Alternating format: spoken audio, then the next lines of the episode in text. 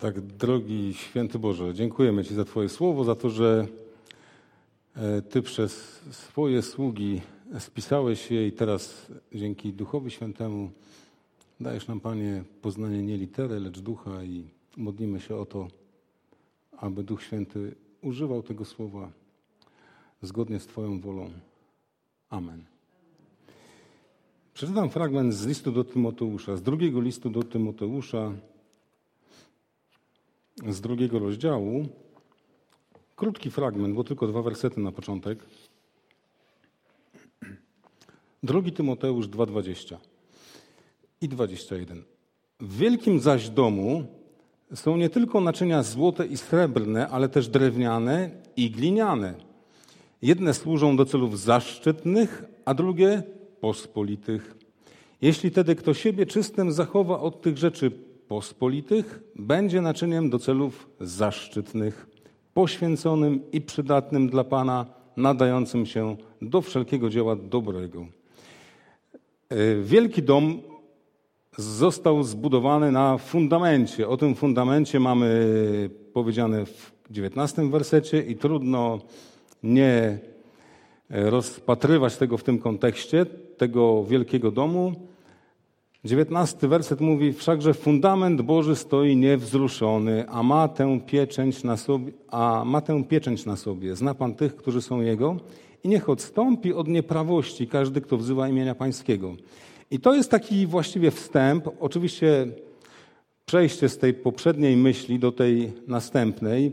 Mowa jest o fundamencie Bożym. Tym fundamentem jest Jezus Chrystus. O tym fundamencie czytamy w innych miejscach, ale też na przykład w nieco podobnie e, brzmiącym fragmencie pierwszego listu do Koryntian e, w trzecim rozdziale tego listu jest mowa również o pewnej budowli i też stawianej na fundamencie. Więc ten fragment z listu do Koryntian bardzo tak brzmi podobnie. Ja go przeczytam. Pierwszy Koryntian, trzeci rozdział od dziesiątego wersetu. Paweł mówi tak. Według łaski Bożej, która mi jest dana, jako mądry budowniczy założyłem fundament, a inny na nim buduje. Każdy zaś niechaj baczy, jak na nim buduje albowiem fundamentu innego nie można, nikt nie może założyć oprócz tego, który jest założony, a którym jest Jezus Chrystus. A czy ktoś na tym fundamencie wznosi budowlę ze złota, srebra, drogich kamieni, z drzewa, siana, słomy, to wyjdzie na jaw w jego dziele. Dzień sądny bowiem to pokaże, gdyż w ogniu się objawi, a jakie jest dzieło każdego, wypróbuje ogień. Jeśli czyjeś dzieło zbudowane na tych na tym fundamencie się ostoi, ten zapłatę odbierze, jeśli zaś czyjeś dzieło spłonie, ten szkodę poniesie, lecz on sam zbawiony będzie tak jednak jak przez ogień. I kiedy e, nie ma co do tego wątpliwości, że w tych dwóch fragmentach chodzi o ten sam fundament, którym jest Jezus Chrystus, a na tym fundamencie budowany jest Kościół i w liście do Koryntian apostoł Paweł mówi tutaj o budowaniu z różnych materiałów, tak Tutaj jest mowa o wielkim domu Bożym, który jest kościołem, i w tym kościele są różne naczynia, różne przedmioty. Więc jest pewne podobieństwo materiałów, z których użyte są czy budowle, no, e, wznoszona jest budowla na tym fundamencie liście do Koryntian, czy naczynia e, również są lepsze i gorsze, z lepszych materiałów i z gorszych materiałów. I zobaczmy, o ile tutaj w tym liście do Koryntian apostoł Paweł mówi o tym, że wznosimy budowlę na fundamencie, który został położony, którym jest Jezus Chrystus, my wznosimy, czyli ludzie, czyli Kościół. Kościół, apostoł Paweł głosił Ewangelię, ludzie się nawrócili i potem e, na tym fundamencie człowiek kontynuował dzieło Boże, ale może je kontynuować na sposób drogocenny, używając drogocennych materiałów, takich jak złoto, srebro czy, czy drogie kamienie, ale też może budować z materiałów, które nie przetrwają próby ognia, czyli drzewa, siana, słomy. Ale zobaczmy, że człowiek nie jest w stanie ocenić tych materiałów, tak jak Bóg jest w stanie je wypróbować dopiero w dzień sądny, czyli w momencie Bożego Sądu. I ten ogień sądu e, będzie próbą tego budulca, na którym Kościół, czyli pojedyncze osoby budowały to, to dzieło, kontynuowały to, e, to dzieło, tą budowlę. I możemy podziwiać ludzi za ich wysiłek w budowaniu. Może ktoś po prostu się nabiega, namacha, natrudzi i ze słomy nastawia tych ścian, tych stropów i po prostu jest zapocony tą robotą i ma po prostu podziw wszystkich, że jest tak zabiegany wokół budowania kościoła, ale jeżeli buduje ze słomy, to cały ten jego trud ogień spali i nic nie zostanie. Można ze słomy, można z siana, można z drzewa, można budować, konstruować, wysilać się, ponosić ofiarę przez całe swoje życie i Bóg zrobi test. Jeden e, z pastorów też akurat słuchałem takiego kazania, mówił, że zawsze jak był dzieckiem i słyszał ten fragment w kościele, to wydawało mu się, że e, Bóg spakuje to jego życie na taki kontener, to wszystko, co postawił w swoim życiu, te swoje, wszystkie swoje uczynki, wszystkie swoje dokonania. Oczywiście Bóg bierze pod uwagę motywacje, nasze intencje, nie tylko e, ten efekt, jaki my myślimy, że przyniesie to dzieło, które budujemy i Bóg wrzuci to wszystko do takiego kontenera i on z takimi zaciel, za, e, no, zadowolonym, zadowolonym spojrzeniem będzie widział pełen ten kontener, że tyle tego narobił w swoim życiu. Mówi, że miał takie wyobrażenie, ale kiedy czytał e, kaznodzieja dalej ten fragment, to mówi, że wyobrażał sobie, że ten kontener właśnie będzie tak w takiej wywrotce do pieca wrzucony. I tam będzie taki ruszt. I ogień po prostu przetestuje te wszystkie dzieła, które dokonał w swoim życiu i popiół z tego, co się spali, przeleci przez ten ruszt, a to, co się na nim zatrzyma, to będzie to, co przetrwa właśnie próbę ognia. I mówi, właśnie uświadomił sobie, że jako dziecko że możemy się dużo nabiegać przez całe swoje życie, ale wartość tej, tego naszego trudu e, będzie Bożym ogniem zmierzona, Bożym sądem. I tylko złoto i srebro i drogie kamienie nie będą stopione przez ten Boży ogień sądu. I zobaczcie, że to, z czego budujemy, zależy od nas. Tu jest powiedziane, czy ktoś buduje z tego czy z tego, czy z tego, jest decyzją każdego człowieka. Jest jego pomysłem na budowlę. A tutaj z kolei w liście do Tymoteusza mamy dom, wielki dom Boży, który wyobraża Kościół. Jest takim porównaniem do Kościoła.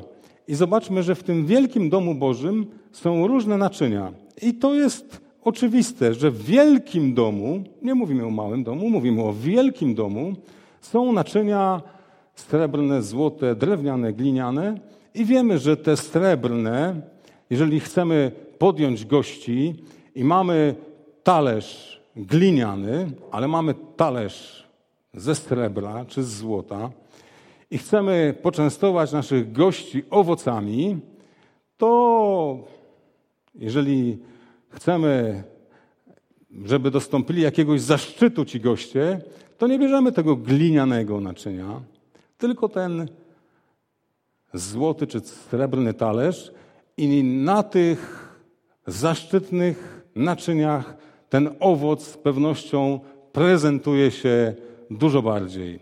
Ale na pewno złotych talerzy czy srebrnych nie będziemy używać do obierek od ziemniaków. I w oczywisty sposób mamy naczynia w każdym domu przeznaczone do celów zaszczytnych, do tego, żeby tam śmieci, odpadki na nie po prostu odkładać i potem gdzieś tam je wyrzucać, ale mamy takie naczynia, które właśnie służą do wyjątkowych okazji, do wyjątkowych e, ceremonii czy, czy sytuacji, do właśnie wyjątkowych wizyt. I Tymoteusz mówi do, e, Paweł mówi do Tymoteusza, mówi mu, wiesz, w kościele to jest tak jak w wielkim domu. Jest gospodarz i ma do dyspozycji różne naczynia.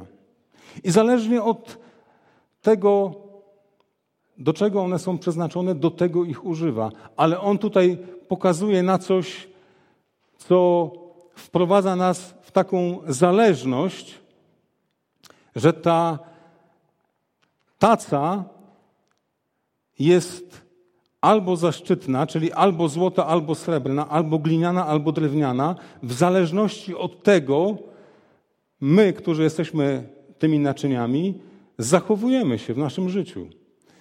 Jeśli tedy kto siebie czystym zachowa, mówi 21 werset, od tych rzeczy pospolitych będzie przeznaczonym do celów zaszczytnych. Czyli nie jest to z góry przesądzone, w tym akurat przykładzie, i tu nie jest mowa o darach duchowych, tu nie jest mowa o jakichś naszych zdolnościach, y, pozycjach czy czymkolwiek innym, tylko o przydatności dla tego gospodarza, zobaczmy, to jest, tam jest powiedziane, będzie przydatnym dla Pana, nadającym się do wszelkiego dobrego dzieła. Ale takie naczynie, które siebie samo zachowa czystym od tych pospolitych rzeczy. Ale te pospolite rzeczy to są przeciwieństwem tych zaszczytnych rzeczy. To jest taka opozycja. Tamte są zaszczytne cele, a te są niezaszczytne. Dosłownie w różnych tłumaczeniach to jest e, nazywane te, e, te słowo, ale najczęściej właśnie Biblia Nowa, Biblia Gdańska mówi naczynia o wartości albo naczynia nawet te do wzgardy, do wzgardy, czyli do tych pospolitych rzeczy. Nawet to słowo w takim pierwszym znaczeniu zaszczytne jest e, właśnie obdarzone takim synonimem chwały, takiego, e, takiego dostojeństwa, a te jest przeciwieństwem tej chwały, czyli pozbawione chwały, pozbawione zaszczytu, pozbawione jakiegoś właśnie dostojeństwa. Więc tak mocniej można to odebrać nawet. Nie tylko, że pospolite, ale takie może powiedzielibyśmy do brudnych spraw. I zobaczmy, że my decydujemy o tym, do jakiego celu Bóg będzie używał nas. A ta decyzja polega na tym, czy my siebie zachowujemy od tych brudnych rzeczy. Bo jeżeli jesteśmy brudnym naczyniem, które, no prosty przykład, e, wiemy o tym, że jeżeli szukamy przyjaciela, to szukamy kogoś, kto będzie szczery wobec nas, musi spełniać jakieś warunki, będzie może dochowywał tajemnicy, na pewno musi dochowywać tajemnicy, będzie e, pomocny dla nas, będzie wsparciem w trudnych sytuacjach, będzie kimś, na kogo, na kogo można liczyć i człowiek spełniający, spełniający te warunki może być tym naczyniem, które byśmy powiedzieli, przeznaczonym do naszej relacji przyjacielskiej. Jeżeli komuś zabraknie jakiejś tej cechy, na przykład będzie wiele miał tych pomocnych cech, ale nie będzie można na niego liczyć, wystarczy jedna, nie będzie mógł być przeznaczony do tej funkcji prawda, przyjaciela. I Bóg w podobny sposób patrzy na nas i patrzy, czy ktoś yy, po prostu kala swoje życie pospolitymi rzeczami. Tutaj nawet wcześniej mówi o pospolitej yy, pustej mowie. Mówi, unikaj tych rzeczy do Tymoteusza. Nawet mówi, że są tacy, którzy się tym posługują, nawet wymienia dwa przykłady. Mówi Hymeneusz i Filetos. E, zaczęli rozpowiadać jakieś banialuki, po prostu nieprawdziwe rzeczy, e, kłamstwa. Ale ciekawe jest to, że te kłamstwa się roznoszą i mają posłuch. Zobaczcie, e, jak to jest, że złe wieści bardzo szybko znajdują grunt w słuchaczach. Otwieramy media i im bardziej jakaś wiadomość tragiczna, jakaś po prostu yy, no, ośmieszająca kogoś, kompromitująca, tym większy po prostu znajduje posłuch, rozdźwięk i się rozchodzi bardzo szybko. Dobre wieści nie mają takiego nośnika w sobie, nie mają takiego przyjęcia, takiego gruntu, takiego sposobu szybkiego na rozpowszechnianie się. Nikt się nimi nie chwali, nie, nie powtarza ich, nie ma w nich jakiejś sensacji, po prostu no, nie mają takiej, takiej siły przebicia. No i tutaj Paweł wcześniej mówi właśnie o pospolitej, pustej mowie i z pewnością, kiedy mówi o tych naczyniach, ma również na myśli pospolitą, pustą mowę, czyli mowę, która nie jest wartościowa sama w sobie, nie ma jakiegoś e, budulca, nie jest, nie jest czymś szlachetnym. Możemy ją zaliczyć do tych śmieci, do tych e, resztek, do tych odpadków. Jeżeli ktoś swoim językiem pozwala sobie na taką mowę, z pewnością Bóg nie będzie go używał do celów zaszczytnych. Tak? I, I zobaczmy, jaki przykład znajdujemy w życiu Jeremiasza w 15 rozdziale. To jest dla mnie bardzo pouczające, ponieważ e, Jeremiasz był prorokiem. Prorokiem, który zwiastował rzeczy niepomyślne dla swojego narodu, był przez wiele lat nienawidzony przez swoich rodaków z powodu sądu, który głosił, z powodu e, ich odstępstwa od Boga, ich bałwochwalstwa, ich no, wiarłomstwa, po prostu e, ganił ich z tego powodu, a w 15 rozdziale Księgi Jeremiasza, w 19 wersecie, Bóg mówi do Jeremiasza tak.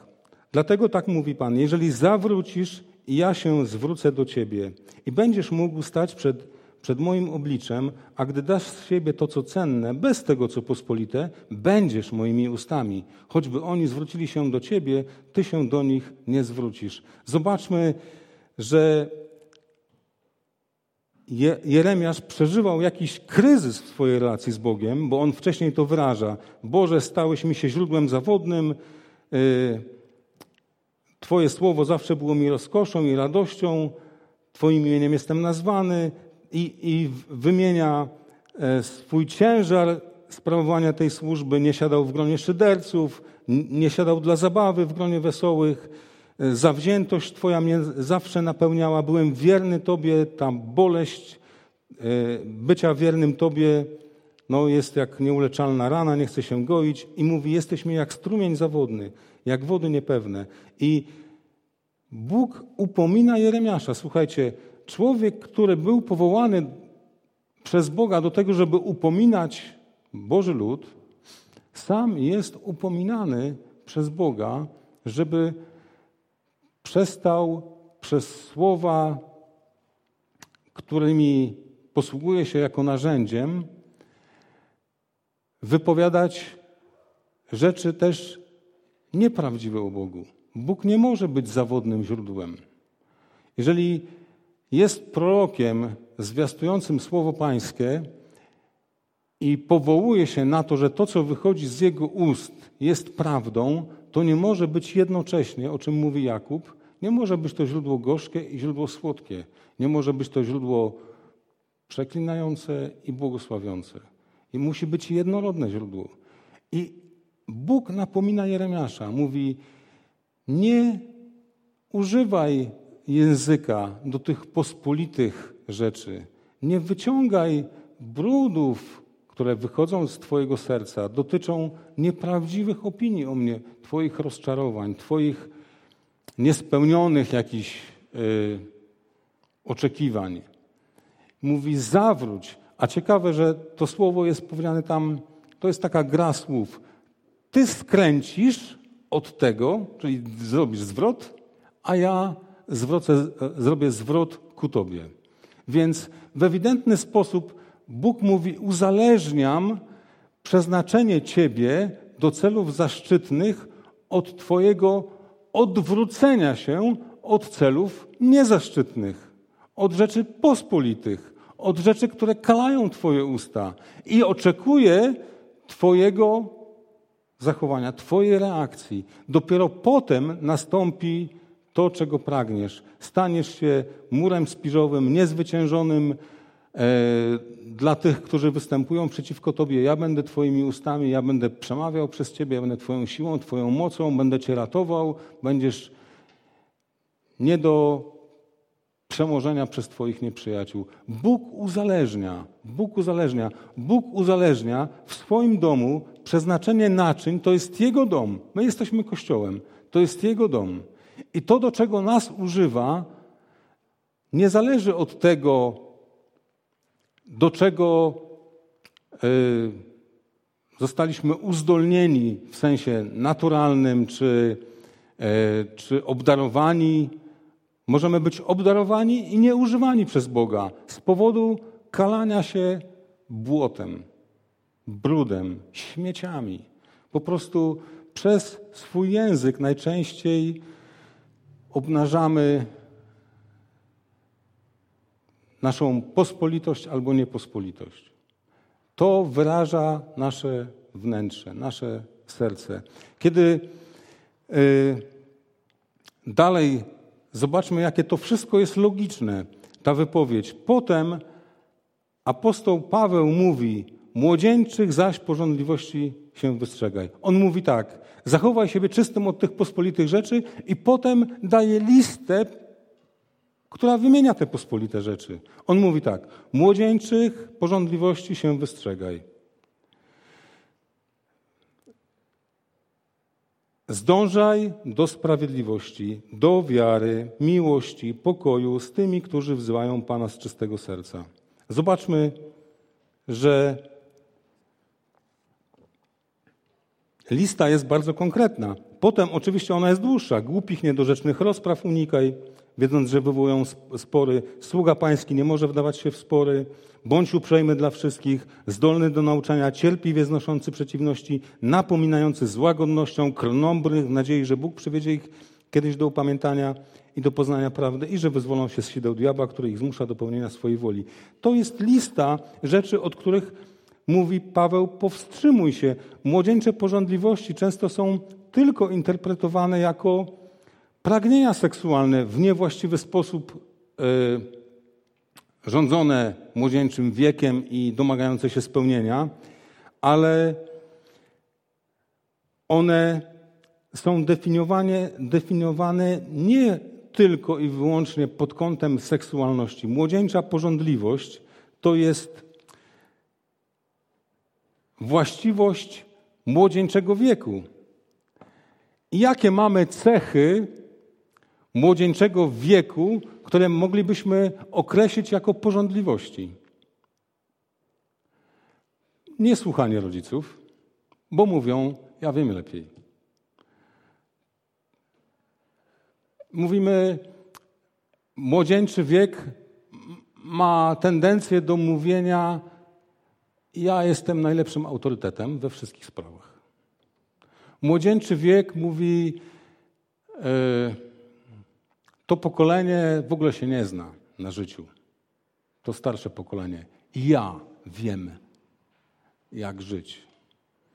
To pokolenie to mówi syn marnotrawny do ojca: Nie mogę się doczekać Twojego spadku, byś mi po prostu spieniężył tą część, która do mnie należy, bo bym chciał się zabawić. To jest młodzieńczy wiek. Mówi ojcu: jak wykorzystać lepiej kapitał, który on zgromadził. To jest młodzieńczy wiek. To jest porządliwość młodzieńczego wieku. To jest brak poszanowania przede wszystkim dla autorytetów. My jesteśmy często w młodzieńczym wieku mimo dojrzałości fizycznej. Jeżeli mówimy, ja wiem lepiej, to są młodzieńcze porządliwości. Mówią, co mi będziesz mówił? Co ty będziesz mnie pouczał? Ja wiem lepiej, jak wydawać pieniądze w kościele, jak e, organizować wszystkie służby, jak po prostu powinien funkcjonować Kościół. Ja wiem lepiej. To jest młodzieńczy wiek. Nie liczy się ze zdaniem innych. Wie lepiej. Nie, zasią- nie zaciąga ich rady, nie zasięga ich rady, nie pyta o, o zdanie innych, nie próbuje dochodzić e, innych aspektów, perspektyw, zrozumieć szerszego kontekstu, bo wie najlepiej. To po co się pytać? To po co się w ogóle wysilać? To jest młodzieńczy wiek. Ilu mamy nastolatków pośród siebie? W duchowym sensie. By się znalazło, myślę. I Paweł mówi, to są porządliwości młodzieńczego wieku. My się zafiksowaliśmy na tym, że nastolatek to ma po prostu fazę na jakieś seksualne spełnienie. A to jest jakiś po prostu minimalny aspekt jego wieku. Reszta dotyczy w ogóle innej dziedziny życia. Braku przede wszystkim poszanowania autorytetów, wypinania się na zdanie mądrzejszych, starszych, bardziej doświadczonych, bardziej kompetentnych. To jest młodzieńcza porządliwość. Ja chcę tu mieć najwięcej do powiedzenia. I niech wszyscy mnie słuchają. I nie dojrzewamy z tego wieku. Dlaczego? Bo się nie upamiętujemy. Jeżeli to jest porządliwość, a ktoś sobie, przypisuje tobie za zasługę, to on się w tym po prostu no, pławi, tak? I nie dojrzewa, nie dorasta. Bo trzeba by się upamiętać, trzeba by przyznać. Rodzic może nastolatkowi dać jakieś ograniczenia, ma, ma nad nim jakąś władzę, ma jakieś możliwości pomóc dorastać takiemu nastolatkowi. A my w kościele mamy taką możliwość, żeby znosić się z miłością. Żeby sobie po prostu z cierpliwością, łagodnością, klnąbrnych. Patrzcie, tam jest mowa o klnąbrych. To jest cecha młodzieńczego wieku. Klnąbrność. Mówi, i co mówi wobec takich ludzi masz mieć? Cierpliwość, łagodność. A w domu to by się chciało wziąć kawał kija i po prostu prostować to, co krzywe. A w kościele się nie da. A w kościele mówi: Chcesz być tym naczyniem zaszczytnym, to pokaż. To pokaż, że nie jesteś nastolatkiem. To pokaż, że do, to słowo dąż, zobaczcie, tam wcześniej powiedziane jest unikaj, unikaj pospolitych rzeczy, zachowuj siebie od, od pospolitych rzeczy, e, znaczy wystrzegaj się. Wystrzegaj to jest mm, przeciwieństwo gonienia za tym. A, a podążaj dosłownie oznacza ścigaj to. I to jest termin sportowy. A tam to jest przeciwieństwem ścigania. Tych młodzieńczych porządliwości nie ścigaj, czy nie biegnij za nimi, w ogóle unikaj. Unikaj, nie wchodź na ten grunt, a ścigaj, biegnij za tym, żeby mieć sprawiedliwość, Bożą sprawiedliwość, żeby mieć, żeby mieć e, wiarę, miłość, pokój z tymi, którzy wzywają czystego serca. Biegnij za tym, żeby mieć pokój z tymi, którzy mają czyste serce. To jest świadectwo bycia przygotowanym do bycia przez Boga użytym do zaszczytnych celów. My tych celów nie wyznaczamy. Zobaczmy Filipa, jednego z siedmiu diakonów wybranych do usługiwania przy stołach. Dzieje apostolskie, szósty rozdział. Jest tam mowa o tym, że nastąpił konflikt między obsługiwaniem wdów pochodzenia żydowskiego i tych pochodzenia greckiego. I ten konflikt miał być rozwiązany przez siedmiu diakonów. apostołowie dwunastu zwołali zbór i powiedzieli, wybierzcie spośród siebie mężów pełnych Ducha Świętego, mądrości i szacunku u wszystkich. I wybrali Filipa między tymi siedmiu. I Filip był do roznoszenia zupy, wybrany przez zbór. Pełen ducha, pełen mądrości i szacunku wobec wszystkich. A potem w dziejach apostolskich, w 21 rozdziale, w 8 wersecie mamy, że Paweł zatrzymał się u ewangelisty Filipa, jednego z siedmiu. I widzimy, że Bóg przeznaczył go na ewangelistę. Zbór go przeznaczył do usługiwania przy stołach, ale Bóg te zaszczytne naczynie wykorzystał do swojego celu. I w ósmym rozdziale dziejów apostolskich mamy Filipa, do którego anioł powiedział: Wyjdź na drogę pustynną z Jerozolimy do Gazy i przyłącz się do tego wozu. I ten dworzanin etiopskiej Kandaki, który tam siedział w tym wozie, czytał proroka Izajasza. Filip się do niego przyłączył i zwiastował mu Ewangelię. On był ewangelistą. Bóg go wyznaczył, Bóg go wyznaczył, Bóg go prowadził, Bóg mu mówił, gdzie ma iść, co ma robić i był ewangelistą. I to jest naczynie, które Bóg decyduje, do jakich rzeczy będzie powołane. Ale z pewnością wydał najpierw świadectwo, publiczne świadectwo przed zborem, że jest pełen Ducha Świętego, że jest pełen mądrości i poważany u wszystkich, czyli miał autorytet. Wszyscy uważali go za człowieka godnego szacunku i Bóg też go uznał za naczynie zaszczytne. I jeden z przykładów na to, że zbór może kogoś postawić do sprzątania, ale Bóg może uczynić z niego kogoś zupełnie innego. Kiedy po ślubie zamieszkaliśmy w naszym pierwszym mieszkaniu, mówiłem, to była suterena, takie mieszkanie dozorcy. I za niskie opłaty wykonywałem taką funkcję dozorcy. Sprzątanie klatki schodowej, z Anią robiliśmy to. Zamiatanie liści, sprzątanie śniegu, czy tam zbieranie czynszu. Po dwóch latach mieszkania tam przeprowadziliśmy się do seminarium. Każdy ze studentów miał obowiązek pracować ileś godzin na rzecz seminarium. Wiecie, co dostałem w udziale? Sprzątanie klatki schodowej. Trzy lata sprzątałem klatkę schodową z Anią raz w tygodniu w, w budynku, gdzie mieszkaliśmy. Przeprowadziliśmy się potem do Tczewa, gdzie Kościół kupił budynek, kamienicę. I zgadnijcie, co robiłem w, tym, w tej kamienicy. 10 lat sprzątałem klatkę schodową w sumie, a 7 lat byłem dozorcą. Zbierałem czynsz, zgarniałem śnieg, sprzątałem liście. I myślę sobie, Panie Boże, no to nie ja decyduję o tym, bo była taka potrzeba, bo była taka sytuacja, która się po prostu jakby no sama definiowała w tym sensie.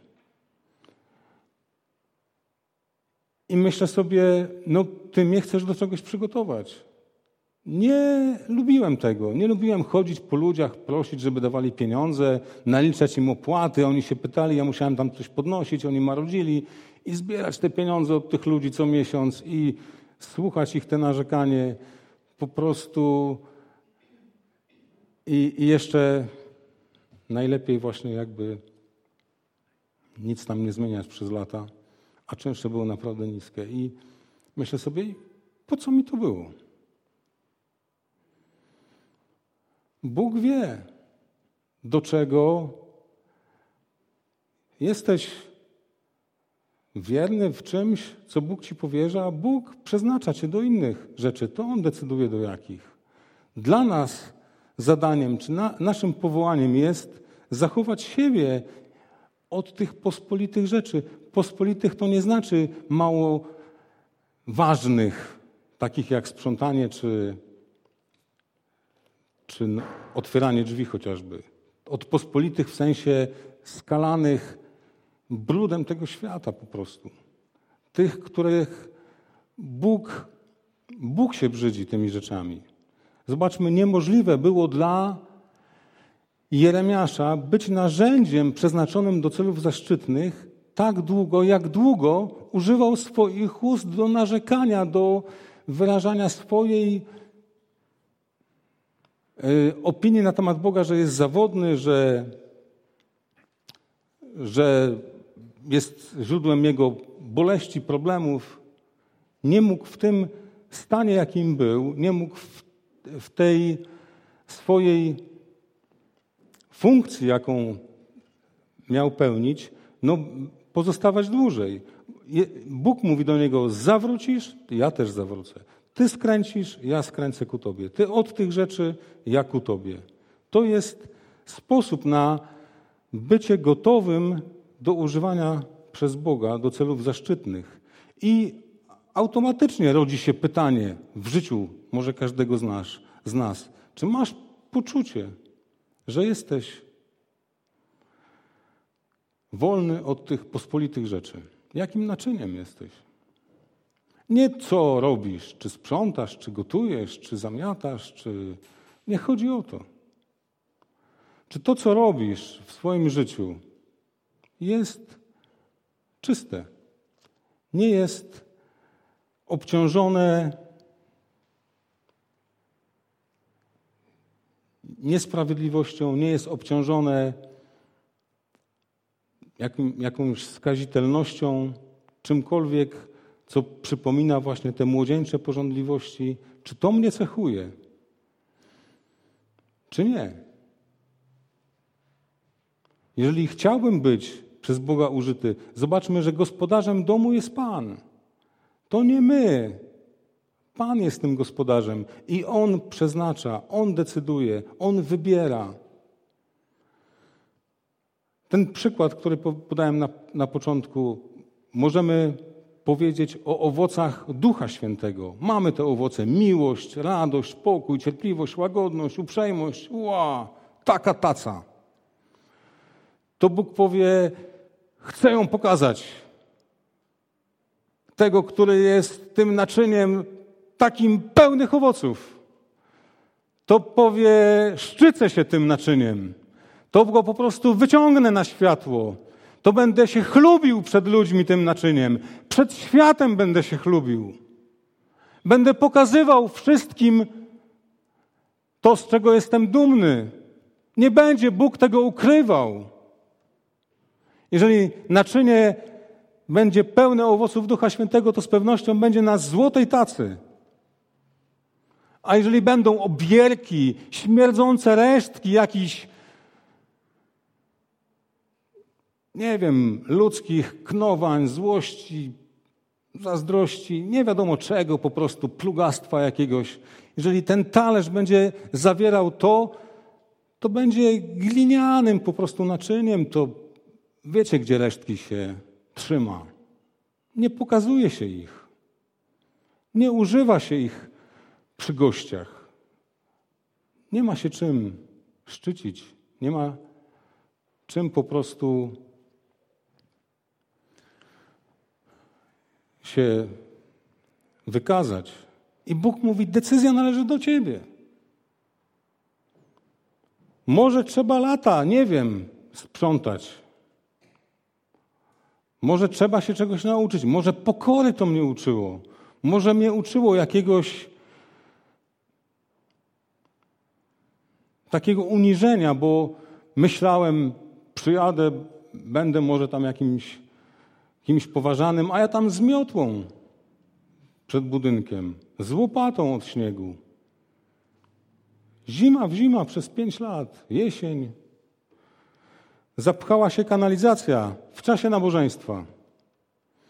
Kamienica, która miała trzy piętra, na najniższym piętrze była kaplica. E, jeden pion miał trzy mieszkania, drugi pion miał trzy mieszkania. W każdym z trzech mieszkań mieszkała rodzina z dziećmi. Zapchała się na dole kanalizacja w niedzielę rano o ósmej. Nie można było korzystać z toalety. Trzy mieszkania miały wyłączone możliwości korzystania z toalety. Trzy mieszkania małżeństwa z dziećmi. Ja przygotowuję się do nabożeństwa i sąsiad mówi, wybija mi tam z tej muszli na dole te resztki. I co robię? Dzwonię po wszystkich, jak to tylko możliwe, żeby przyjechali odetkać tą zatkaną kanalizację. Dziewiąta rano nikogo nie znalazłem. O dziesiątej zaczyna się nabożeństwo. Ściągnąłem człowieka z innego miasta i musiałem poczekać na niego, aż przyjedzie. Nabożeństwo się zaczyna, śpiewają ludzie, a ja ubrany w najgorsze z możliwych ciuchy, po to, żeby wejść do piwnicy, która rurami po prostu już tam przecieka tymi fekaliami wszystkimi. Ręce po prostu w gumowych rękawicach i modlę się, żeby chłop zdążył przed dziesiątą przetkać tą zatkaną kanalizację. I mówi, mam za krótką spiralę. Od tego momentu, gdzie jest ten wizjer, do tam to jest ponad 10 metrów, ja mam za krótką spiralę.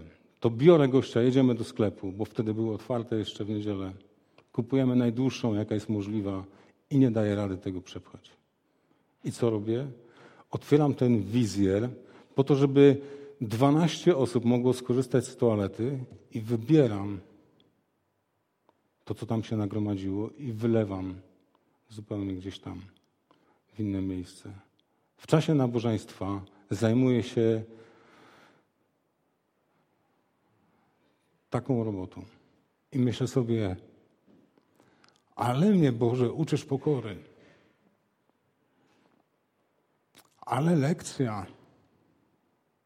Ja chciałem tam kazanie głosić, a gnój wynoszę. Naprawdę, lekcja na całe życie.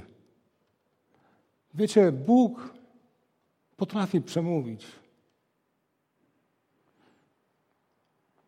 Ale jeżeli się uważam za najmądrzejszego, to jeszcze Pan Bóg nie zdecydował o tym, do czego będzie mnie używał. Może przechodzisz w swoim życiu jakąś lekcję pokory. Może Bóg uznał, że to jest potrzebne. Może masz ochotę, tak jak Jeremiasz, powiedzieć: Zawiodłem się na tobie, miało być inaczej. Tylko cierpienie, przeszkody, rozczarowanie. Przyjdź z tym do Boga. Zobacz, co ci powie. Zobacz, co powie, w jakim jesteś miejscu. Wiecie, jak spokorniałem? Jak na następną niedzielę stałem w tych czystych, nieśmierdzących ciuchach. Dopiero w poniedziałek udało się zamówić taką profesjonalną maszynę, sprzęt do tego, żeby wy, wyczyścić tą zatkaną kanalizację, bo rury już były stare i tam po prostu nie można było inaczej tego rozwiązać. W poniedziałek, jeszcze w całą niedzielę nosiłem żeby ludzie mogli korzystać z tej toalety. 12 osób. Wiecie, jaki byłem pokorny w niedzielę? Jak dziękowałem Bogu, że nie muszę tego robić? Jak doceniałem społeczność ludzi, że ja mogę z nimi być, a nie tam, w tej piwnicy, w tym szambie po kostki? Bóg ma swoje sposoby, żeby nauczyć nas, do czego my, wydaje nam się, chcielibyśmy być przeznaczeni, a do czego Bóg może myśli, że nadajemy się w tym momencie. Dobrze jest słuchać Boga. Dobrze jest zwrócić swoje ucho ku Niemu i usłyszeć. Jesteś przygotowany? Nie jesteś przygotowany. Nie jesteś przygotowany? Oczyszczaj swoje życie z tych pospolitych rzeczy, z tych brudów. Czy jestem naczyniem wolnym od tych pospolitych rzeczy? I to niech będzie pytaniem, które każdy z nas niech, za, niech zaniesie do Boga. Jeżeli mamy pretensje, że Bóg nas dyskryminuje w jakimś sensie. Powiedzmy mu to, wyraźmy naszą opinię, że się myli, że zbór się myli, że wszyscy są w błędzie. Ty wiesz najlepiej. Powiedz mu to. Powstańmy i pomódlmy się.